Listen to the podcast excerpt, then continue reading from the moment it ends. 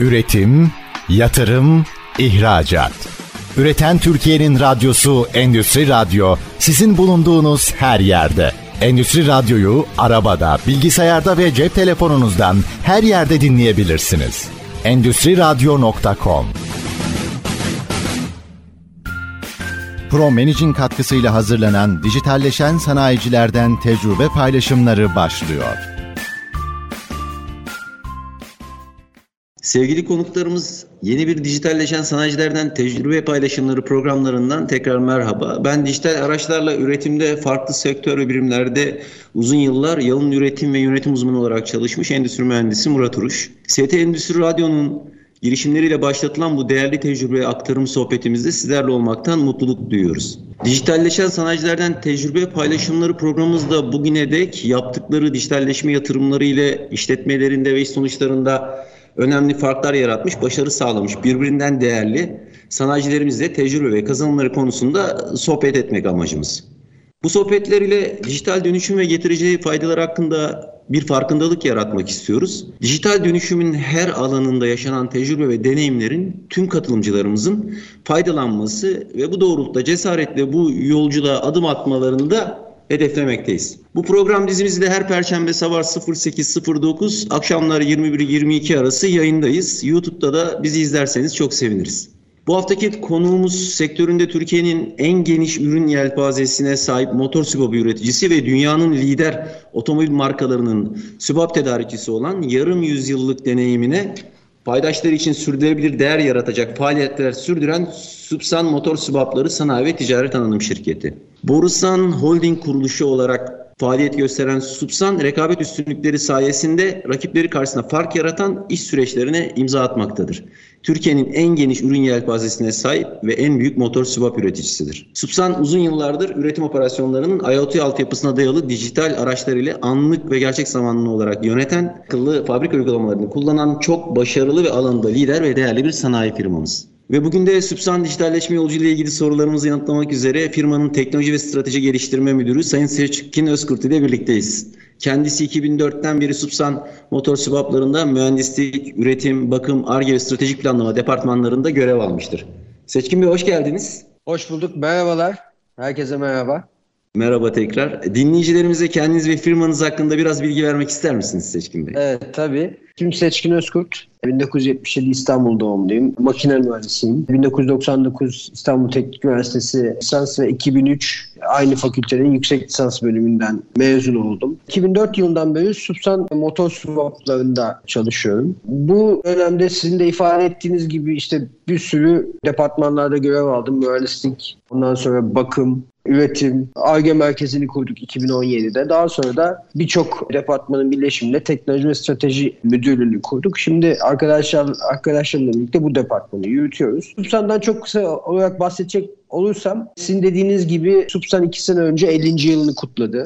1970 yılında kurulmuş bir şirket. 1980 yıllarında Borusan'a geçiyor. Borusan aldıktan sonra tabii büyük bir atılım oluyor. En önemli partneri dünyada subap üretimindeki dev Eaton'la bir lisans anlaşmasından sonra şu an Avrupa'ya, Kuzey Amerika'ya ve çok önemli buradaki OI şirketlerine orijinal motor swap'ı üretimini gerçekleştiren bir firma. Subab'ın yanında 2014'ten beri ise e, yedek parça pazarına turbocharger veriyoruz. E, turbocharger konusunda da yerli milli projelerimizde destekliyoruz. İşte BMC Power'ın geliştirdiği güç paketlerindeki turbocharger'ların da aynı zamanda e, tedarini sağlıyoruz son iki yıldır. Bunun dışında yine içten yanmalı motorlar için tij üretimi de yapıyor firmamız. Dolayısıyla o günlerden bugünlere gelmenin çok kısa hikayesi aşağı yukarı böyle aslında. Çok teşekkür ediyoruz Seçkin Bey. Sizleri de aramızda görmekten çok memnunuz. Bu vesileyle tekrar etmek istedim. Ben de davet için çok memnun oldum. Çok teşekkür ederiz. Ne demek rica ederiz. Şimdi Seçkin Bey dijitalleşme ile ilgili biraz yavaş yavaş girelim. Bu sohbetimizi başlatalım. Üretimde ilk dijitalleşme adımları atarken e, mutlaka bir takım ihtiyaçlarınız vardı. Sizce bu ihtiyaçlarınız nelerdi? Bu adımları nasıl attınız? Bu ihtiyaçlarınızı dijitalleşme araçlarıyla çözüleceğini nasıl fark ettiniz? Bu ihtiyaçlardan biraz bahsedebilir misiniz sevgili dinleyicilerimiz? Bizim aslında biz 2009'da biz 2009'da bir üretim şirketi olduğumuz için yalın üretime başlamaya karar verdik. Yalın dönüşümü aslında devreye almaya karar verdik. 2006'dan itibaren aslında biz 6 Sigma'yı çok iyi kullanan bir şirkettik. Dolayısıyla hani veriyle ilgili karar verme konusu Altı Sigma'nın güçlü olduğu bir alandır. Bundan 3 sene sonra da yalın dönüşümü şirketimize üretim şirketi olduğumuz için yani temel faaliyet alanımız üretim olduğu için bunu devre almaya karar verdik. Çünkü yalının birçok her yönüyle üretime katkısı var.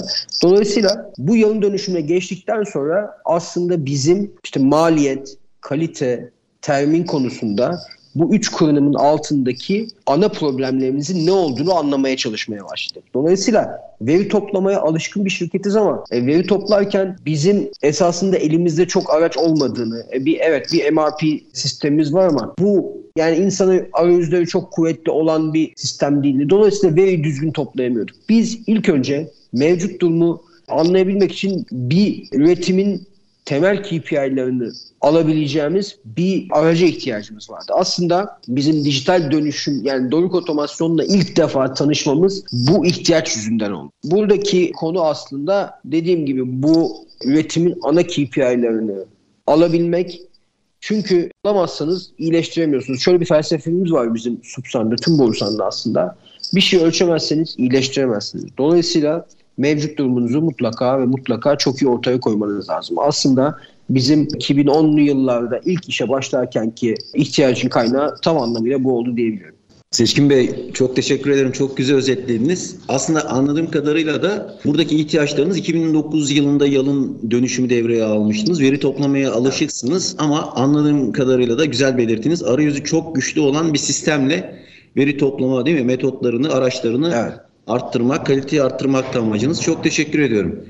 Peki evet bu ihtiyaçları belirledikten sonra bir sistemin satın alınması değil mi? İlişkin inceleme ve karar süreci geliyor. Evet. Dinleyicilerimiz de bunu merak ediyor. Bu karar verme satın alma süreci içerisinde sistem seçiminde hangi unsurlara dikkat ettiniz acaba? Biraz sanayicilerimizin faydalanması amacıyla bu soruyu soruyorum. Biraz bundan evet. bahsedebilir misiniz Seçkin Bey? Evet. Amaç aslında veri toplamaktı. Yani bizim zayıf noktalarımız neresi, geliştirmeye açık noktalarımızın neresi bunu ortaya koymak için veri toplamanız gerekiyor. Okey. Ama bunu yaparken attığınız taş ürküttüğünüz kuşa değmesi lazım. Yani her tarafta veri oluşturmak için insanları böyle çok uğraştırırsanız ondan sonra hiç kimse kendi işine bakamayacaktır. Dolayısıyla bu iş baştan ölü doğacaktır. Yani siz zaten büyük bir kültür değişimi içerisine girmeye çalışırken insanları çok çabalamadan veriye nasıl ulaşırlar onun yöntemini bulmanız lazım. Yani her şeyi yani otomatik öyle bir altyapı kurmak istiyorduk biz o zaman. Evet biz normal işimize devam ederken bu veriler bize akan bir sistemi yaratımı. Yoksa herkes onu elle gir, bunu elle gir. İşte ERP sistemi bile olsa veya başka bir arayüz bile olsa bunları girip de bir şeyler elde etmek evet o da elde edilebilir. Ama çok bu zor olmaması gerekiyordu. Bir kere bunu gözettik. Yani arayüz bize ne kadar yardımcı olacak. İkincisi yani şeye baktık tabii, referanslara baktık. Yani daha önce başarılmış hangi konular var, kimlerle çalışılmış. Biz iyi bir işbirliği içerisinde yıllar boyunca olabilecek miyiz? Çünkü bu evet bir paket program veya bir arayüz bir şey satın alırsınız. Ondan sonra bunu implemente de edersiniz. Ama daha sonrasında uzun soluklu bir iş ortaklığı olabilecek mi? Yani oradaki tabii şirketin yaklaşımı çok önemli. Dolayısıyla bu bu uyum olduğu sürece sıkıntı yok ama bu baştan böyle sinyalleri veriyorsa tabii sıkıntı var. Dolayısıyla işbirliğinin sürdürülebilirliği ve kalıcı destek burada çok önemli. Onu bir kere gözettik. E tabi e, biraz önce bahsettim. Benchmarklar neler görebileceğimiz, başarı hikayeleri var mı? Kimlerle neler başarılmış? Onlar da bizzat hani bu sürece destek verecek olan şirket bizzat neler yapmış? Ne katma değeri olmuş şirkette? Bu çok bizim için çok önemliydi. Dolayısıyla bunlardan sonra tabii en önemlisi bizi incelediği zaman ne tür öngörülerde bulunabiliyor şirket? Bu çok önemli. Yeni teknolojilere adapte edilebiliyor mu bu satın aldığımız şey? E, ileriki yıllarda trendler değiştiği zaman adapte edilecek miyim yoksa bir kenara koyup tekrar yeni başka bir şey mi satın almak almam gerekecek? Bunların hepsini gözeterek biz aslında karar verdik. Sanıyoruz ki doğru da bir yol haritası çizdik kendimize. Çok teşekkür ediyorum Seçkin Bey. Yine çok kısa müsaade ederseniz özetlemek istiyorum. Bu seçim e, sırasında, sistem seçimi sırasında arayüzün kolay olması, kullanım kolaylığı sağlaması için önemli bir kriterdi. Tabii ki referanslar, değil mi? Başarı hikayelerine baktınız. Benchmarklar, başarı hikayeleri. Bunun yanında işbirliğin yıllarca devam edebilecek mi? Uzun soluklu sürdürülebilir bir ilişki kurulacak mı? Ve artı o sistemin size ne tür öngörülerde bulunacağı. Bunun yanında da yeni teknolojileri adapte edilebilirlik konuları seçim için sizin için önemli kriterlerdi. Peki çok evet. teşekkür ediyorum Seçkin Bey. Şimdi yine bir başka konu, önemli bir konu Seçkin Bey. Bunun hakkında da yine fikirlerinizi, görüşlerinizi almak istiyorum. Şimdi bu bir takım ihtiyaçlarınız vardı demin belirttiğiniz gibi. Veri toplama çeşitliliğini arttırmaktı ve bununla ilgili bir sistem seçim kriterlerinden sonra işe soyundunuz, başladınız, dijitalleşme adımlarını attınız. Bu dönüşüm yolundaki, dijitalleşme yolundaki bu süreçte neler yaşadınız? Bu yaşadığınız tecrübeler, sorunlar, aştığınız ya da aş, aşamadığınız engeller nelerdi? Bunları nasıl çözdünüz? Bununla ilgili değerli dinleyicilerimize bilgi vermenizi rica ediyorum Seçkin Bey. Tabii aslında biz dediğim gibi bir biz bu işe 2010'da 11 ile Doluk Otomasyon'la tanıştıktan sonra bu arayüzü almaya karar verdik. Tabii data topladıkça aslında önünüze yani eğer üretiminizi takip etmek üzere yeterince noktayı yaratabildiyseniz işte sensörlerle her neyle alacaksınız işte sensörlerle, sayaçlarla işte onlar neyse yeterince bunları adapte ettiyseniz bir takım veriler akmaya başlıyor. Ondan sonra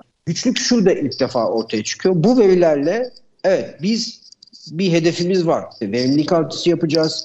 Cycle time'larımızı düşüreceğiz. Kalitemizi arttıracağız. Evet ama bu verilerle işe nasıl başlayacağız? Orada e, bize tabii 6 sigma kültürümüz çok yardım etti. Dolayısıyla biz iyileştirmeyi nasıl yapacağımızı bilen bir şirkettik.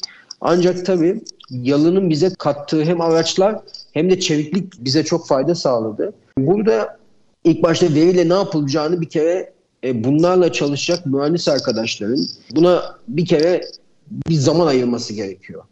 Yönetimin buna destek vermesi gerekiyor. Dolayısıyla bu yönetimin buradaki taahhüdü evet ben bunu kullanacağım ve bu noktalarda iyileştirme yapacağım. Taahhüdü çok önemli. Bu tepeden başlayan taahhüt aslında aşağıları çok etkiliyor. Dolayısıyla herkes bu noktaya odaklanmasını, o veriyi nasıl sonuca götürecek projeleri ortaya koyacağın için artık düşünmeye başlıyor. Önemli zaman harcıyor. Bu çok önemli. Bir kere buradaki yönetimin taahhüdü çok önemli. Yani bunu sorguluyor olması, ve ısrarla sorguluyor olması lazım. Yani bu araçları siz satın almak evet satın aldınız ama yönetim bu konuda taahhüdü yoksa, takipçiliği yoksa her türlü satın alınan şey yani bana göre ölmeye mahkumdur. Dolayısıyla kendi kendine ilerlemez. Sonuçları, gelişmeleri, bu checkpoint dediğimiz ara kontrolleri yapmazsanız sistemler ölmeye mahkumdur. Dolayısıyla bu çok önemli. İkincisi veriler ortaya çıktıkça biz o büyük verinin içinden kendimizi sorgulayacağımız, mevcut durumumuzu anlayacağımız KPI'leri seçip de çıkarttıktan sonra bir hesap verme durumu ortaya çıkıyor tabii ki. Daha önce işte ondan mı kaynaklandı, bundan mı kaynaklandı diye böyle polemiklerin olduğu, e işte şimdi şöyle oldu da o yüzden bizde sonuçlar böyle çıktı konularının altlarında bir sürü datanız olduğu zaman aslında o bulut ortadan, o sis bulutu ortadan kalkmış oluyor. Dolayısıyla herkesin hesap vermesi gereken konu ortaya çıkıyor. Tabii hesap verebilirlik ilk başta böyle zorlanılan bir konu. Bunu e, yalın felsefesinde de var. E, bütün konuları, problemleri açık açık konuşmak, yerinde gidip görmek, bunu alışkanlık haline getirmek önemli bir kültür değişimi. Aslında burada bir bir kültür değişimi yaşanıyor. Dolayısıyla kötü giden iş sonuçları insanları ilk önce rahatsız etse de daha sonra bunun bütün hepimizin iyiliği için, bütün fabrikamızı ileri götürmek için yapılan, denetlenen konular olduğunu anladığımız için artık insanlar konularını saklamıyorlar. El kaldırıp yardım istemeyi öğreniyorlar. Evet benim böyle bir sorunum var o yüzden başaramıyorum. Ne yapmam gerekir? Ben burada yalnız kalmak istemiyorum. Kültürü aslında çok önemli şekilde destekleyen bir unsur. İnsanların birbirine yardımcı olmaya çalışmaları burada e, tamamen bir kültür değişimi yaratıyor diyebilirim. Dolayısıyla... Seçkin Bey kusura bakmayın kestim. Çok Sağ güzel gidiyoruz. Çok kısa bir ara vereceğiz. Bu kaldığımız yerden devam edeceğiz ikinci evet. bölümde. Burada önemli bir şey söylemek istiyorum. Reklamlardan tabii ki, tabii sonra ki. değinip kapatabiliriz. Tabii. tabii ki. Buyurun. Reklamlardan sonra alalım. Değerli dinleyicilerimiz, dijitalleşen sanayicilerden tecrübe paylaşımları programında bugün Süpsan Motor Swapları Sanayi Ticaret Anonim Şirketi Teknoloji ve Strateji Gelişme Müdürü Sayın Seçkin Özkurt'la beraberiz. İkinci bölüme geçeceğiz. Lütfen ayrılmayın. Bu keyifli sohbetimizle beraber olmanızı dileriz. Şimdilik görüşmek üzere. Üretim, yatırım, ihracat. Üreten Türkiye'nin radyosu Endüstri Radyo sizin bulunduğunuz her yerde. Endüstri Radyo'yu arabada, bilgisayarda ve cep telefonunuzdan her yerde dinleyebilirsiniz. Endüstri Radyo.com Değerli dinleyicilerimiz, ST Endüstri Radyo'nun girişimleriyle başlatılan Dijitalleşen Sanayicilerden Tecrübe Paylaşımları programına kaldığımız yerden devam ediyoruz. Bugünkü konuğumuz Süpsan Motor Swapları Sanayi Ticaret Anonim Şirketi Teknoloji ve Strateji Geliştirme Müdürü Sayın Seçkin Özkurt. Seçkin Bey tekrar hoş geldiniz diyoruz. Çok keyifli bir e, sohbet hoş oluyor. bulduk, merhaba. Ağzınıza sağlık. Ben radyosunu yeni açan dinleyicilerimiz için çok kısa özet yapmak istiyorum. Çok değerli bilgiler veriyorsunuz. Dijitalleşme adımlarına nasıl karar verdiniz? Buradaki ihtiyaçlarınız neler de, demiştim. Siz de veri toplama konusunun çok önemli olduğunu, arayüzü çok güçlü olan bir sistem ihtiyacı olduğunu belirtmiştiniz ki 2009 yılında yalın dönüşüm sistem başlamış. İyileştirmeye aşina bir firmasınız. Bu zaten çok acı gözüküyor. Peki bu dijitalleşmede ihtiyaçlar belirlendikten sonra sistem seçiminde hangi kriterlere dikkat edilmesi gerektiği ile ilgili de arayüzün kolay olması, referanslar, başarı hikayeleri, işbirliğinin yıllarca devam edebilmesi, sürdürülebilirlik, ayrıca firmanın size bir takım öngörülerle değer katması ve yeni teknolojiler adapte olabilmesi demiştiniz. Yine kaldığımız yerde birinci bölümde de size peki neler yaşadınız, ne tecrübeler edindiniz diye sormuştum. Orada da çok güzel konuya girmiştiniz. Benim algıladığım kadarıyla öncelikle yönetimin desteği, taahhüdü ve takibinin çok önemli olduğunu, çalışanların katkısı, eğitiminin gerekli olduğunu, kültür değişimi aslında yaşandığından bahsettiniz. Bu noktada kalmıştık. Ben de sözünüzü kesmek evet. zorunda kaldım. Evet, buyurun lütfen. Şimdi kültür değişimi dediğiniz zaman bunu topyekün yapmanın önemi e, zaten herhalde hepimiz biliyoruz. Tabii bu bilinmekle birlikte çok zor olan bir iş. Biz burada ben aynı zamanda şirketin yalın altı sigma yayılım şampiyonuyum. Bizim hedeflerimiz arasında aslında yayılım önemli bir KPI. Yani bu sene veya önümüzdeki sene kaç kişiye dokunmayı hedefliyorsunuz? Atıyorum 500 kişilik bir fabrikanızda kaç kişiye proje herhangi bir projenin içinde olmasını bekliyorsunuz. Bu önemli bir şey. Dolayısıyla herkesin özellikle üretim parçalarına hangi parça üretiyorsanız ona eli değen insanların, onun kalitesini ortaya koyan insanların kültür değişimini yaşaması için bu işlerin içinde olması gerekiyor. Yani farkındalığı arttırmak için. Dolayısıyla hani tabana yayılım çok önemli. Biz bunu şöyle yönettik bu kültür değişimi için. Tabanda liderlik diye bir tanımlama yaptık. Dolayısıyla aslında takım liderleri ve operatör arkadaşlardan gelen liderlikle kendi kendi performanslarını nasıl ileri getirebilecekleriyle ilgili her zaman fikirleri olmasını ve bu fikirlerden bir proje havuzu yaratmalarını ve dolayısıyla bugünden yarına nasıl iyileştirme yapacaklarının T anında hep aksiyon listesinin olmasını bekledik. Dolayısıyla bu zor bir şey. Çok güçlük aşılması gereken güçlükler var bu konuda ama bunu bir kere bu döngüyü bir kere sağladığınız zaman bu yayılımı ve kültür değişimini çok net olarak yapmış ve gözle görülür bir şekilde farklılıklar elde etmiş oluyorsunuz. Dolayısıyla bu çok önemli. Buraya vurgu yapmak istedim. Çok teşekkür ediyorum Seçkin Bey. Şimdi bir diğer konu da evet ihtiyaçlar var. Bunları belirlemişsiniz çok iyi. İhtiyaçlarınıza uygun sistemi de çok iyi analiz etmişsiniz. Kararlarınızı vermişsiniz. Bu adımı atmışsınız. Bir takım zorluklar süreç içerisinde. Bunların da üstesinden çok rahatlıkla gelmişsiniz. Kültür dönüşümünden de bahsettiniz. Peki Seçkin Bey merak ettiğim diğer bir konu üst boyuttan baktığında ve sektörel bazda değerlendirdiğimizde ne türlü kazanımlar elde ettiniz? Bu iş sonuçlarınıza, şirket performansınıza, karlılık artışı olabilir, maliyet düşüşü, bunun gibi verebilirsiniz sayısal verilerle de destekleyerek. Biraz evet. bu konuda dinleyicilerimiz de tabii merak ediyordur. Aha. Kazanımlarınız neler oldu aslında? Şimdi bu demin bahsettiğim konu kültür değişimini aslında tamamlayıp da yönetimin en baştaki ısrarında biraz da bir zayıflama bekliyorsunuz. Yani yönetim her zaman dijitalleşme projeleriyle uğraşamıyor. Başka işleri var. İşte yatırımlar, başka şeyler falan filan. Ama bunlar zayıflasa bile artık bu döngünün döndüğü zamanlar işte bu bence e, bir iki sene, üç seneyi alacak. Ama o yönetimin desteği hiçbir zaman sıfıra inmemesi gerekiyor. Dolayısıyla hani bu, bu konu hep çok önemli. Ama bu iki sene içerisinde bizim önemli kazanımlarımız oldu ki bu kazanımların arasında kalite iyileşmesi %30, %30, %40'lara varan kalite iyileşmesi oldu diyebilirim. Dolayısıyla bu kaybedilen kalitesizlik oranlarının üretime kattığı destek herkes kendi tabii bunu hesaplaması lazım. Ama bizde böyle olduğunu söyleyebilirim. %10, %20 civarı üretim artışı olduğunu söyleyebilirim ilk bir seneden sonra. Çünkü siz bu arayüzle şeyinize bakabiliyorsunuz. En çok beni durduran konular neler olmuş? OİM nerede, hangi makinelerin Oİ'leri en düşük? O Oİ'lerin alt kırınımlarında cycle time mi etkili, setuplar mı etkili, kalitesizlikler mi etkili, emri amadelikler mi etkili? Dolayısıyla hani burada nelerin olduğunu anladıktan sonra bu %10'lar, %20'ler ki biz bir e, 6 Sigma şirketi olmamıza rağmen daha önce bu süreçlerde manuelde olsa data toplayıp kendimizi sorgulamamıza rağmen bunların tabii T anında görülüyor olması çok önemli. E, tabii bu arayüzün size bir de sunduğu şeyler var. Yani andonlarla kendinizi T anında nasıl olduğunuza bakabiliyorsunuz. Son vardiyanıza bakabiliyorsunuz. Son gününüze, son ayınıza, son yılınıza ne istiyorsanız görebiliyorsunuz. Dolayısıyla onlar hep sizin için özelleştirebilecek takip sistemleri burada yaratabiliyorsunuz. Dolayısıyla bizim hem kalitesi olarak hem de üretim artışı olarak önemli katkılar sağladığını söyleyebilirim. T anında gezerken içeride yani Gemba Walk dediğimiz şeyleri yaparken makinelerin çalışması gereken cycle time'larla şu an çalışan cycle time'larını tabii karşılaştırma olarak görebiliyorsunuz. Ve bütün arkadaşlarımız da biliyor ki bunu yöneticiler de Gemba Walk yaparken görebiliyorlar. Dolayısıyla herkes bu konuda tabii ister istemez hedeflerine doğru hizalanıyor. Bu çok önemli. Seçkin Bey çok teşekkür ederim. Doğru verinin, etkin verinin anlık olarak toplanmasıyla ki siz zaten 2009 yılından beri yalınla uğraşıyorsunuz. 6 sigma kültürü de yerleşmiş. E, kaliteye de %30-%40'lara varan iyileştirme.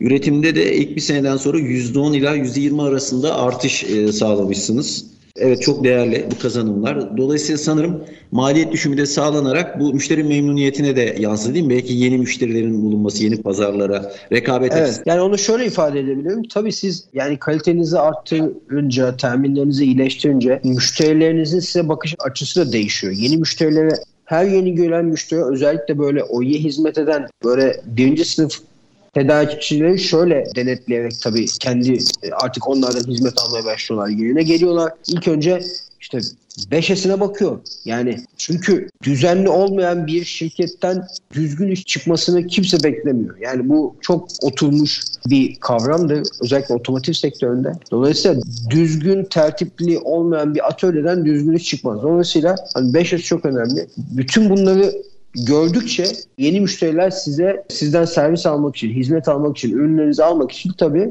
e, daha cesaretli de oluyorlar. Bu açıdan da çok önemli tabii yeni müşterilere ulaşmak açısından. Çok teşekkür ediyorum Seçkin Bey. Size birçok kazanımlar yarattığını anladım. Peki şu anda neticede dijital dönüşüm evet bunlar dijital araçlar ama amaç değil. Evet bahsettiğiniz gibi araç ama evet. siz e, yalın üretimi uyguluyorsunuz bu amaçlara ulaşmak için.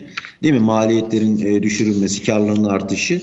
Şimdi bu dijitalleşmeyi, bu kullandığınız dijital araçları düşündüğümüzde yalın üretimle Yalın üretime sizce ne gibi katkıları oldu bu amaca ulaşmanızda? Yalın üretimde kullandığınız, yalın üretim bakış açısıyla ileriye yönelik vizyonunuzu da düşündüğünüzde süreklileştirme çalışmaları, OEA artışı ve benzeri yalın üretim çalışmalarınıza ne gibi faydaları oldu bu dijitalleşmenin Seçkin Bey?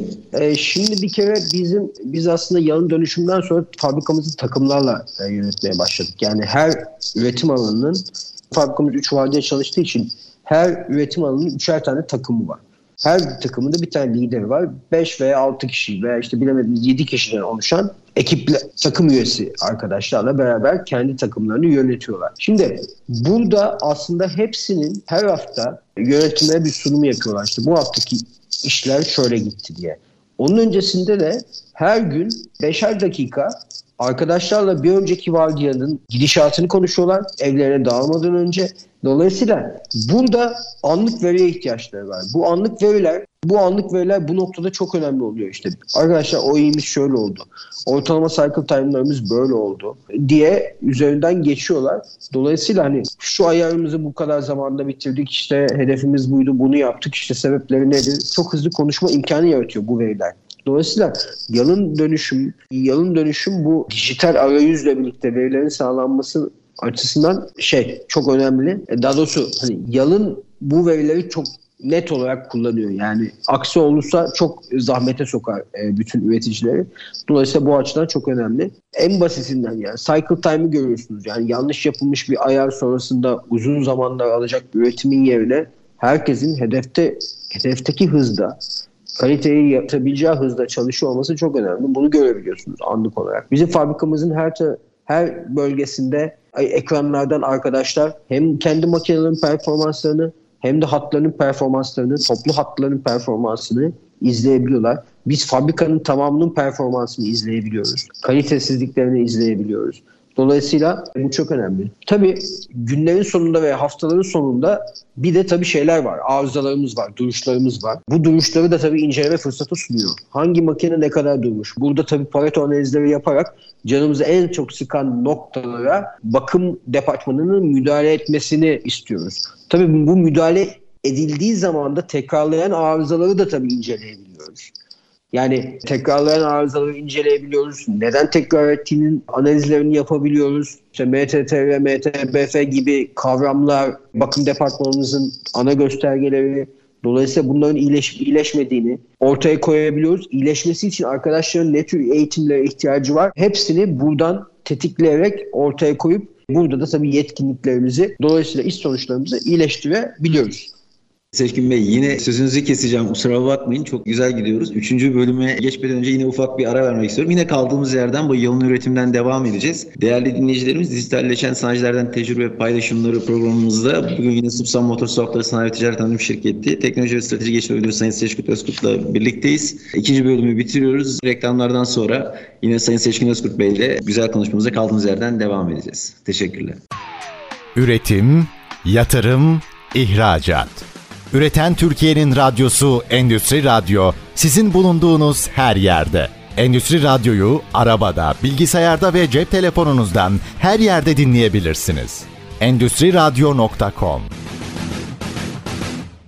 Değerli dinleyicilerimiz, ST Endüstri Radyo'nun girişimleriyle başlatılan Dijitalleşen Sanatçılardan Tecrübe programlarına e, tekrar hoş geldiniz. E, üçüncü bölümdeyiz. Bugünkü konuğumuz Subsan Motor Swapları Sanayi ve Ticaret Anonim Şirketi Teknoloji ve Strateji Geliştirme Müdürü Sayın Seçkin Özkurt. Seçkin Bey tekrar hoş geldiniz diyorum. E, değerli katılımınız için. Çok güzel bir sohbet yapıyoruz. Dijitalleşmeyi çok geniş kapsamlı anlatıyorsunuz. İhtiyaçlarınızdan bahsettiniz. Bu ihtiyaçları belirledikten sonraki seçim kriterlerinden bahsettiniz. Yaşadığınız tecrübeler, kazanımlardan bahsettiniz. İkinci bölümün sonunda da biraz dijitalleşmenin asıl amacı bu maliyetlerin düşümü olsun, karlılık artışı olsun ve bunu da uyguladığınız yönetim sistemleri yalına etkilerinden bahsediyorduk. Yalına desteklerinden bahsediyorduk dijitalleşme araçlarının. Orada da benim aldığım önemli notlar arasında ekiplerle yönettiğiniz, bahsettiğiniz takımlar, vardiyaların devredilmesi, anlık veriler, bu verilerin çok hızlı şekilde alınıp doğru verinin bunların değerlendirilmesi, konuşulması bir önceki vardiya keza yeni girilen içinde bulunan vardiya hakkında neler yapılabileceği duruşları incelemenin çok önemli olduğunu, hatların etkinliği, OE'nin ölçülmesi, bunun da hepimizin bildiği availability, kullanılabilirlik kısmı, makine duruyor mu, çalışıyor mu kısmındaki duruş sebeplerin analizinde sanırım buralarda kalmıştık. Bu evet. herhalde sizi tabii ki sürekli iyileştirme kültüründe de hangi noktaya eğilmeniz gerektiği mi? Nereye saldırılması gerektiği, hangi duruşlar büyük sebepleri. Evet. Bunlar hakkında biraz devam edebilir miyiz? Yani biz şimdi e, yönetim olarak yani üretim yönetimi olarak takımların performanslarına şöyle bakıyoruz. Bir kere ilk önce en önemli şey tabii iş güvenliği. Yani bu konuyu bu konuyu en başta bir sorgularız. E, dolayısıyla orada iyileştirecek noktalar varsa onu öğrenmeye çalışıyoruz. Kaza sıklık oranları, neden kaynaklanmış, kök nedenler bir kere ortaya konmuş. Onu bu noktayı geçtikten sonra önemli olan bu konuyu geçtikten sonra ikincisi şuna bakarız. Hattın OI'si nedir? Hattın OI kırınımında hangi alt kırınım bizi etkilemiştir? Yani bu makinenin emre amadeliği mi, kalitesizliği mi yoksa performansı mı etkilemiştir ona bakarız. Ondan sonra arkadaşlardan bunları bizim arayüzümüzden şu anki kullandığımız e, dönük otomasyon arayüzünden çıktı alıp bunları elle üzerine analiz yapmalarını bekleriz. Evet burada benim hedefimin altında kaldığım nokta burası. Analiz yaptığım zaman da alt kanımda bunlar çıkıyor diye analiz yaparlar arkadaşlar. Ve o elle, kara kalemle yaptıkları çalışmaları hepimize anlatırlar. Dolayısıyla ondan sonra da şunu bekleriz. Evet bu analizi yaptın. Sonuç olarak bunu nasıl çözeceksin? Bunu çözmek için de bunun kök nedenlerini ortaya koyarlar. Gerekiyorsa 5 neden analizi yaparlar. işte balık kılçığı yaparlar. Kalite çemberleri kurulurlar her neyse. Ama ondan sonra biz bir aksiyon planı görmek isteriz. Herkesin T anında bir aksiyon planı e, mutlaka takım panosunda vardır. Dolayısıyla bize bu bizim POKE dediğimiz bu döngüyü tamamlamak için ilk önce veriye, sonra analize, sonra o analiz sonucunda ortaya çıkan potansiyel kök sebepleri doğrulamaya, daha sonra da bunları bir aksiyon planına çevirmeye ihtiyacı vardır. Bu döngü ancak doğru verinin orada olmasıyla sağlanabilir. Dolayısıyla bu dijital arayüzler bize e, bu noktada tabii anlık veriyi, anlık geçmiş örnek ne kadar zaman dilimi içerisinde istiyorsanız bunu sağladığı için tabii çok önemli.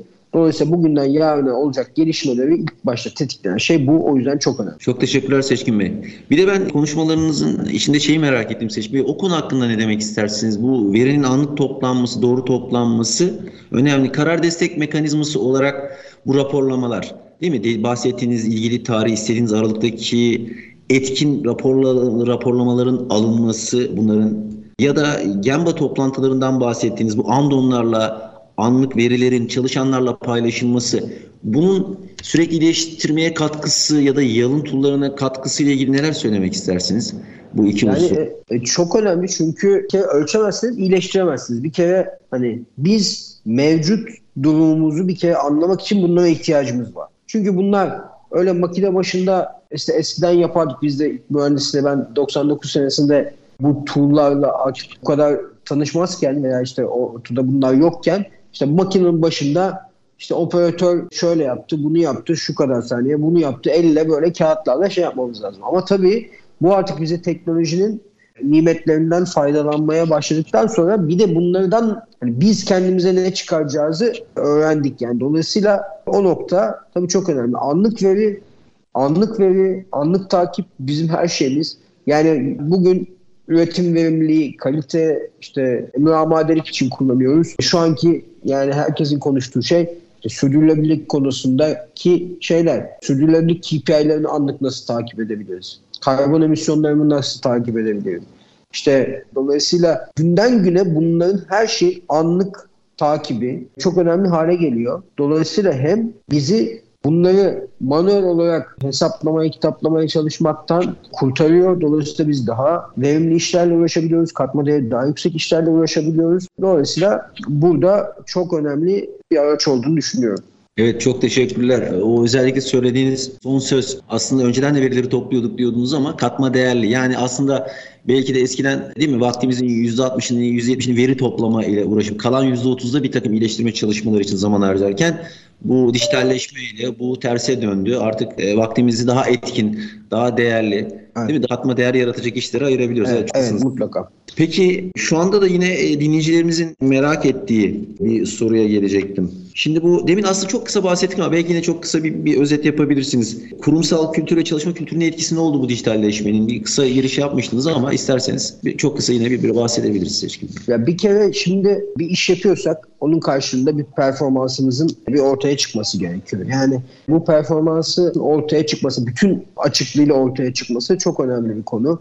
Dolayısıyla herkes burada yaptığı işle ilgili yani yönetici ise bir işte hiç kimse bir şey yani en şirketin en tepesindeki arkadaş bile tabii şeylere yönetim kuruluna hesap veriyor. Dolayısıyla yönetim kurulu işte şirketin sahibine hesap veriyor. Dolayısıyla bu hesap verebilirlik konusu tabandan en tepeye kadar tabii çok önemli bir konu. Dolayısıyla bu verilerin anlık ortada olması bu konuyu artık doğal hale getiriyor. Yani bu bizim bir rutinimiz. Yani burada artık gizleme kültürü, hani suçlama kültürü ortadan kalkıyor. Yani dolayısıyla burada artık biz birçok eskiden bizim şirketimizde de vardı. Departmanlar arası işte hatlar arası didişme işte senden böyle geldiği için benden böyle oldu falan filan konuları tabii çok şeydi. Ama anlık veri orada olduğu zaman tabii bu hesaplaşmalar sataşmalar, kavgalar, gürültüler falan yerini yapıcı çatışmaya bırakıyor. Yerini yapıcı çatışmaya bırakıyor. Yapıcı çatışma da bizim aslında önemli dönüştürücü değerlerimizden ve prensiplerimizden bir tanesi. Dolayısıyla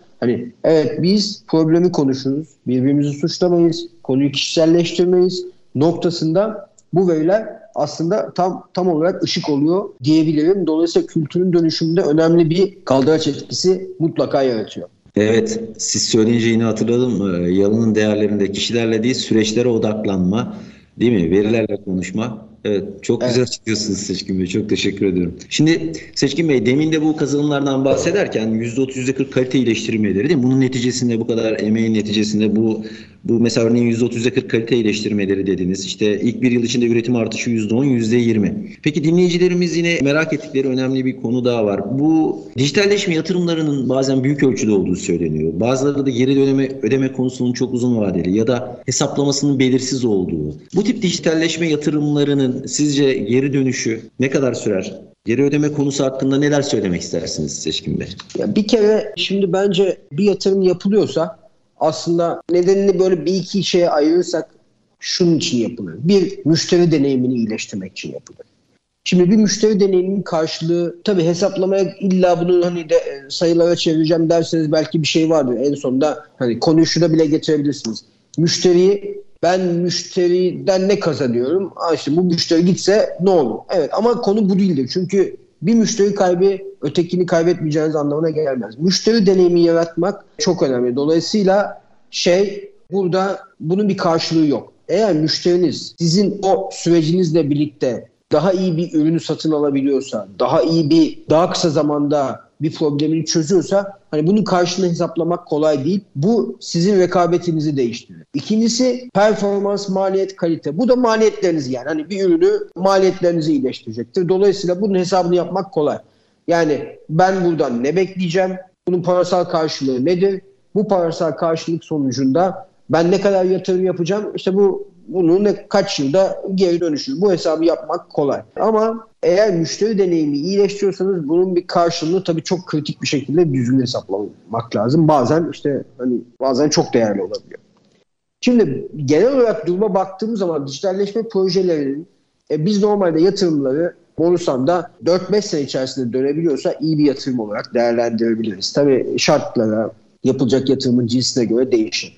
Ama benim gördüğüm dijitalleşme projelerindeki geri dönüş yıllarının çok daha az olduğu. Özellikle müşteri deneyimi tarafında bir şeyler yaratılabiliyorsa bu çok önemli oluyor. Çünkü müşteriniz de günün sonunda size iş vermek için Yeni müşteri ise günün sonunda iş vermek için gelip denetim yapıyor. Bu turları kullanıyor ol, olmanız, bu vizyon içerisinde geleceğe yatırım yapıyor olmanız evet diyor ya bu evet yani bu tedarikçimin yönü doğru yere bakıyor. Yani dolayısıyla bir kere böyle bir şey var. İkincisi de sağladığı üretim verimliliği kalitesizliklerin maliyeti yani günümüzde işte enerjide malzeme fiyatları da işte kaynakların azalmasına bağlı olarak fiyatları değişiyor, yükseliyor. Dolayısıyla bunların hepsi eskisinden daha pahalı. Bu kalitesizlikler, bu verimsizlikler. Dolayısıyla ben bu tür dijital programlara yapılan yatırımların 2-3 senede şirketlere geri dönüşüm sağlayacağını düşünüyorum ki bizim şirketimizde de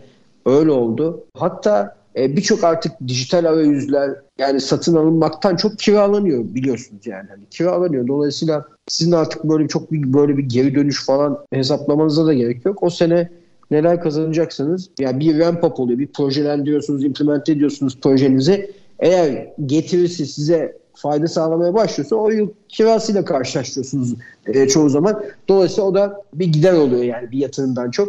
Böyle şeyler de var ama ben birkaç yıl olarak nitelendirebilirim dijital dönüşüm projelerinin getirisini. Daha uzunsa evet yani özellikle işletmeler için buna bunu gözüne kestirmek biraz zor oluyor. Daha uzun vadede yani net olarak gözükmeyen şeyler işte 5 yıllık 6 yıllık şeyler yani şimdi hani oraya kadar gidecek mi gitmeyecek mi soruları kafada daha çok canlanıyor. Ama günümüzdeki olanaklar o kadar iyileşiyor ki gelişmeleri göz önünüze serme fırsatı da oluyor işletmelerin veya bunları satın alacağımız e, işletmelerin. E, dolayısıyla bu konu daha eskisine göre daha rahat diye düşünüyorum. Bu konuda tabii bize başarı hikayeleri, referanslar, daha önce başarılmışlıklar, yurt dışındaki uygulamalar falan yol gösterici oluyor. Seçkin Bey çok teşekkür ediyorum. Keyifli bir programın da sonuna geldik. Katılımınız için de çok teşekkür ediyorum sizlere. Çok sağ olun Seçkin Bey. Değerli dinleyicilerimiz ST Radyo'nun girişimleriyle başlatılan dijitalleşen sanayicilerden tecrübe paylaşımları programımızda bugünümüzün konuğu Subsan Motor Swapları Sanayi Ticaret Anonim Şirketi'nden Teknoloji Stratejisi Geliştirme Müdürü Sayın Seçkin